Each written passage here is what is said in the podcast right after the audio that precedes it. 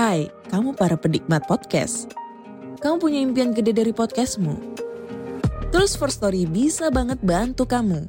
Mulai dari F-Link, Dynamic Audio Insertion, sampai statistik yang komprehensif. Semua ada di First Story.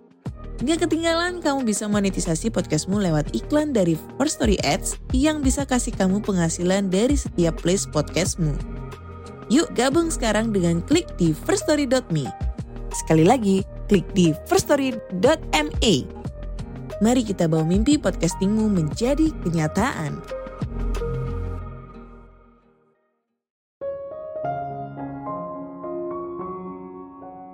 Apakah kamu sudah mempersiapkan diri untuk pekerjaan masa depan?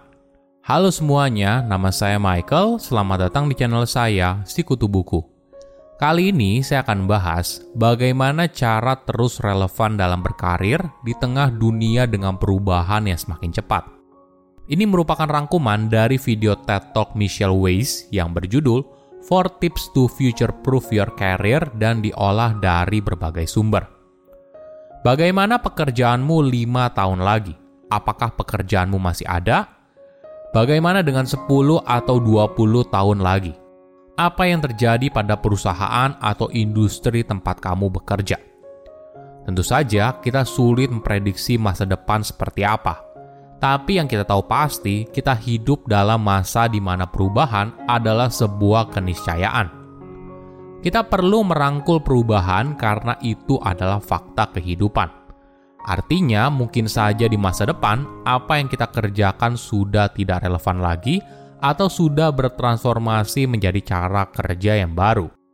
Jika kita berhenti bertumbuh, maka semakin bertambahnya usia, kita justru bisa ketinggalan dan akhirnya karir yang kita jalani menemui jalan buntu. Namun, di tengah pencarian kerja yang semakin kompetitif, Ingat, kamu masih bisa mengambil kendali. Kamu bisa menunjukkan keahlian terpendammu, menerjemahkan kekuatan yang kamu miliki agar sesuai dengan apa yang dibutuhkan, dan bersedia terbuka atas cara kerja yang baru. Sebelum kita mulai, buat kalian yang mau support channel ini agar terus berkarya, caranya gampang banget. Kalian cukup klik subscribe dan nyalakan loncengnya. Dukungan kalian membantu banget supaya kita bisa rutin posting dan bersama-sama belajar di channel ini. Berapa banyak pekerjaan yang sudah kamu jalani hingga sekarang? Kira-kira sampai berapa banyak hingga kamu pensiun? Secara historis, rata-rata seorang akan berganti pekerjaan sebanyak 12 kali sepanjang hidupnya.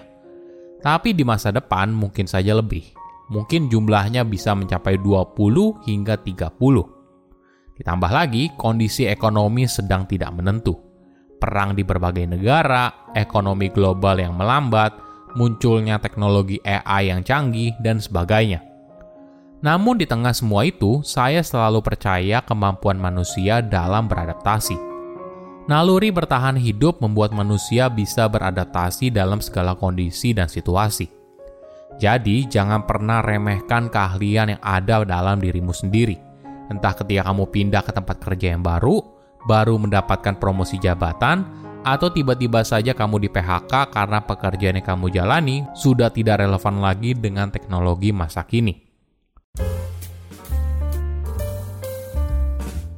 Jika bicara soal perkembangan AI, saya rasa tidak relevan lagi jika kita berdebat apakah alat ini bisa lebih pintar atau lebih baik dari manusia. Alat ini sudah ada dan mulai digunakan secara luas. Misalnya beberapa minggu lalu, ramai di media sosial banyak orang menggunakan Bing Image Creator untuk membuat poster Disney sesuai keinginan. Sebelumnya, banyak orang telah menggunakan ChatGPT untuk membantu mereka dalam menulis, mengerjakan tugas, atau bahkan mencari ide inspiratif.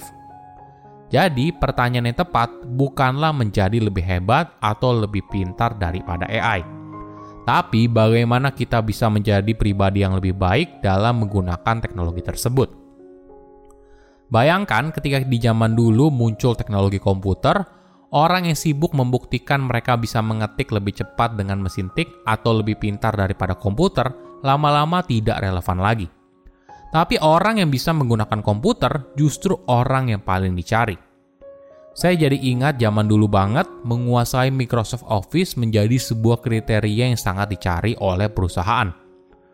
Penting untuk mengingat kalau AI saat ini tidak menciptakan insight baru. AI saat ini adalah mesin prediksi yang bekerja dengan prediksi kata apa berikutnya. Dalam skala kecil, hal ini tentunya sangat membantu. Misalnya jika kita lupa kata yang diucapkan ketika diberi hadiah orang lain, maka AI bisa menjawab terima kasih. Tapi dalam skala yang lebih besar, saran yang diberikan oleh AI sering kali homogen. Artinya, hasilnya hanya ditentukan oleh apa yang dipikirkan oleh mayoritas, yang sering kali jauh dari kata bijaksana. Tapi jika kamu tahu cara menggunakannya, maka kamu bisa memahami apa yang banyak orang pikirkan atau rasakan tentang sesuatu, termasuk prasangka dan miskonsepsinya. Bagaimana cara agar karir kita bisa terus moncer? Pertama, asah soft skillmu. Jika kita bicara soal keahlian, sering kali dibagi menjadi dua, hard skill dan soft skill. Sayangnya, dunia kerja sering kali terlalu menitik beratkan pada hard skill, keahlian teknis yang harus dimiliki agar kamu bisa bekerja dengan baik. Misalnya kemampuan menulis jika kamu adalah seorang copywriter atau dasar-dasar akuntansi jika kamu bekerja di bidang keuangan dan sebagainya. Tapi jika ingin karirmu moncer, fokusnya justru tidak lagi di hard skill, tapi di soft skill. Semakin tinggi jabatan seorang, saya rasa porsi soft skill justru mengambil peran yang semakin lama semakin besar. Keahlian ini termasuk bagaimana kamu beradaptasi pada lingkungan yang baru, bagaimana berbicara dengan orang lain yang tidak setuju, bagaimana meyakinkan orang lain, dan sebagainya. Keahlian ini mungkin tidak terlihat di dalam sebuah CV, tapi mungkin kamu bisa menilai seorang ketika interview. Tanpa kamu sadari, keahlian ini mungkin saja diasah ketika kamu bekerja. Misalnya, ketika kamu bekerja part-time sebagai SPG, justru melatih kemampuanmu dalam membujuk orang lain. Atau pengalamanmu menjaga sepupumu yang masih kecil justru mengajarkan kamu soal kesabaran dan empati. Semua pengalaman ini membentuk kamu, bukan hanya sebagai pribadi, tapi juga secara profesional. Kedua, menjadi skill translator. Kamu perlu belajar untuk menerjemahkan keahlian yang kamu miliki sekarang menjadi bahasa calon perusahaan tempat kamu bekerja selanjutnya. Kadang satu keahlian yang sama bisa memiliki makna yang berbeda. Misalnya, ada lowongan bagian marketing dan mencari kandidat yang kuat dalam komunikasi Mungkin komunikasi di sini adalah kemampuan branding atau storytelling.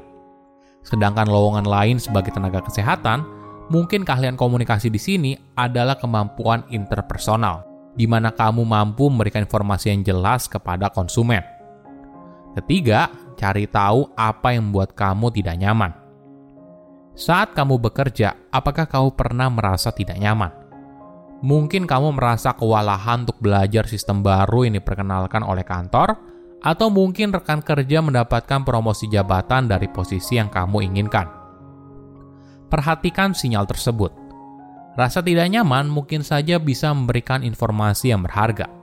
Bisa saja itu merupakan sinyal untuk meningkatkan keahlian diri. Terakhir, jadilah pemilih. Bukan hanya kamu yang harus berkomitmen untuk terus memperbaiki diri Begitu juga dengan perusahaan tempatmu bekerja. Lain kali ketika kamu memutuskan untuk pindah, carilah perusahaan atau organisasi yang punya komitmen untuk meningkatkan kualitas karyawannya. Coba lihat di LinkedIn dan cek apakah karir karyawan di sana baik atau tidak. Silahkan komen di kolom komentar pelajaran apa yang kalian dapat ketika tahu informasi ini. Selain itu, komen juga mau tahu informasi apa lagi yang saya review di video berikutnya. Saya undur diri, jangan lupa subscribe channel YouTube Sikutu Buku. Bye bye.